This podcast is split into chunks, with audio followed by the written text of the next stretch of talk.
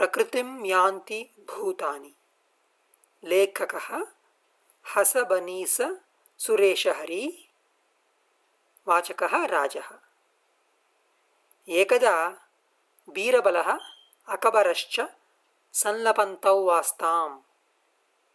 तदा मार्जारविषये वदन् बीरबलः अवदत्, महाराज, अस्मिन् मजार एकः प्राणिविशेषः यं कोऽपि शिक्षयितुं न प्रभवति।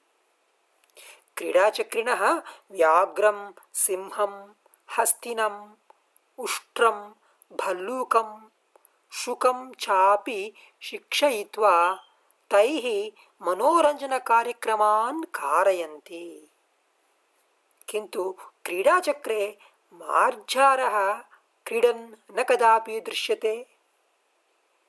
मर्कटः अतीव चञ्चलः अपि शिक्षयितुं शक्यः। किन्तु न तथा मार्जारः इति।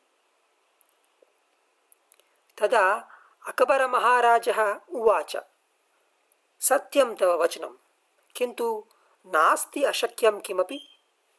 प्रयत्नात् सर्वं साधयितुं शक्यम् इति मे भाति इति। तदनन्तरं तौ उभौ अपि कार्यमग्नौ स्वालयं गतौ। अकबरः मनसि निश्चयं कृतवान् यत् केनापि उपायेन अहं मार्जारं शिक्षयेयं बीरबलं च पराजयेय इति। अन्येद्युः महाराजेन षड् श्वेतमार्जाराः समानीताः। सेवकस्य साहाय्येन गुप्तरूपेण मार्जारप्रशिक्षणकार्यक्रमः तेन समारब्धः। सेवकः तान् आनयति स्म। अर्धवर्तुलाकारम् उपवेशयितुं प्रयतते स्म।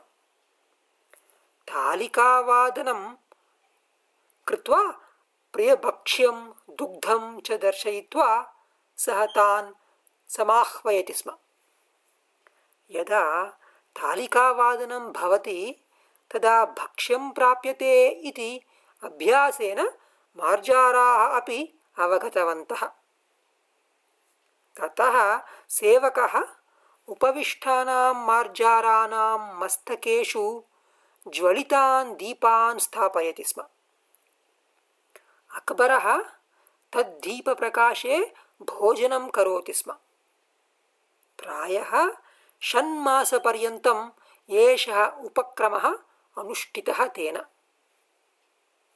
विना प्रमादं मार्जाराः यथा शिक्षितं समाचरन्ति इति अवलोक्य कदाचित् अकबरेण बीर्बलः स्वीयभोजनसमये समाहूतः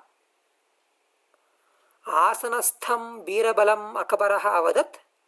बीरबल पश्य मे मार्जारक्रीडारङ्गम् इति। मार्जाराः यथा अनुशासितं तथैव अन्वतिष्ठन्। व्यवस्थितान् स्थिरोपविष्टान् मार्जारान् दृष्ट्वा बीरबलः अपि विस्मितः। सर्वं मार्जारकार्यं प्रशंस्य राजानं संस्तुत्य बीरबलः यदा गृहं प्रतिनिवर्तितुम् उद्युक्तः तदा अकबरेण उक्तम् किम् अशक्या मार्जारशिक्षा? प्रतिदिनम् एवमेव अहं मार्जारमस्तकस्थापितदीपप्रकाशे भोजनं करोमि। पुनः कदापि आगच्छ इति। बीरबलः परेद्युः एव रात्रौ राज्ञः अकबरस्य भोजनसमये अगच्छत्। राज्ञः अकबरस्य आज्ञानुसारं सेवकेन तालिकावादनं कृतम्। मार्जाराः आगताः वर्तुलाकारेण समुपविष्टाः च। सेवकेन प्रज्वालिताः दीपाः तन्मस्तकेषु स्थापिताः।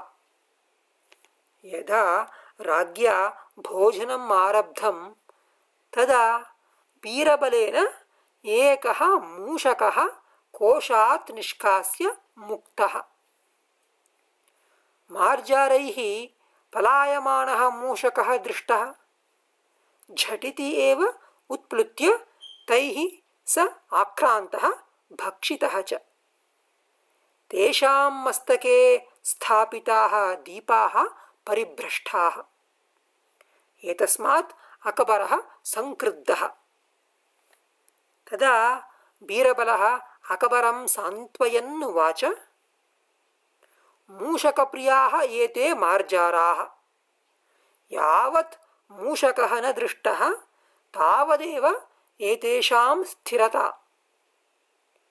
प्रकृतिं यान्ति भूतानि निग्रहः किं करिष्यति इत्येतत् सत्यं गीतावचनम् इति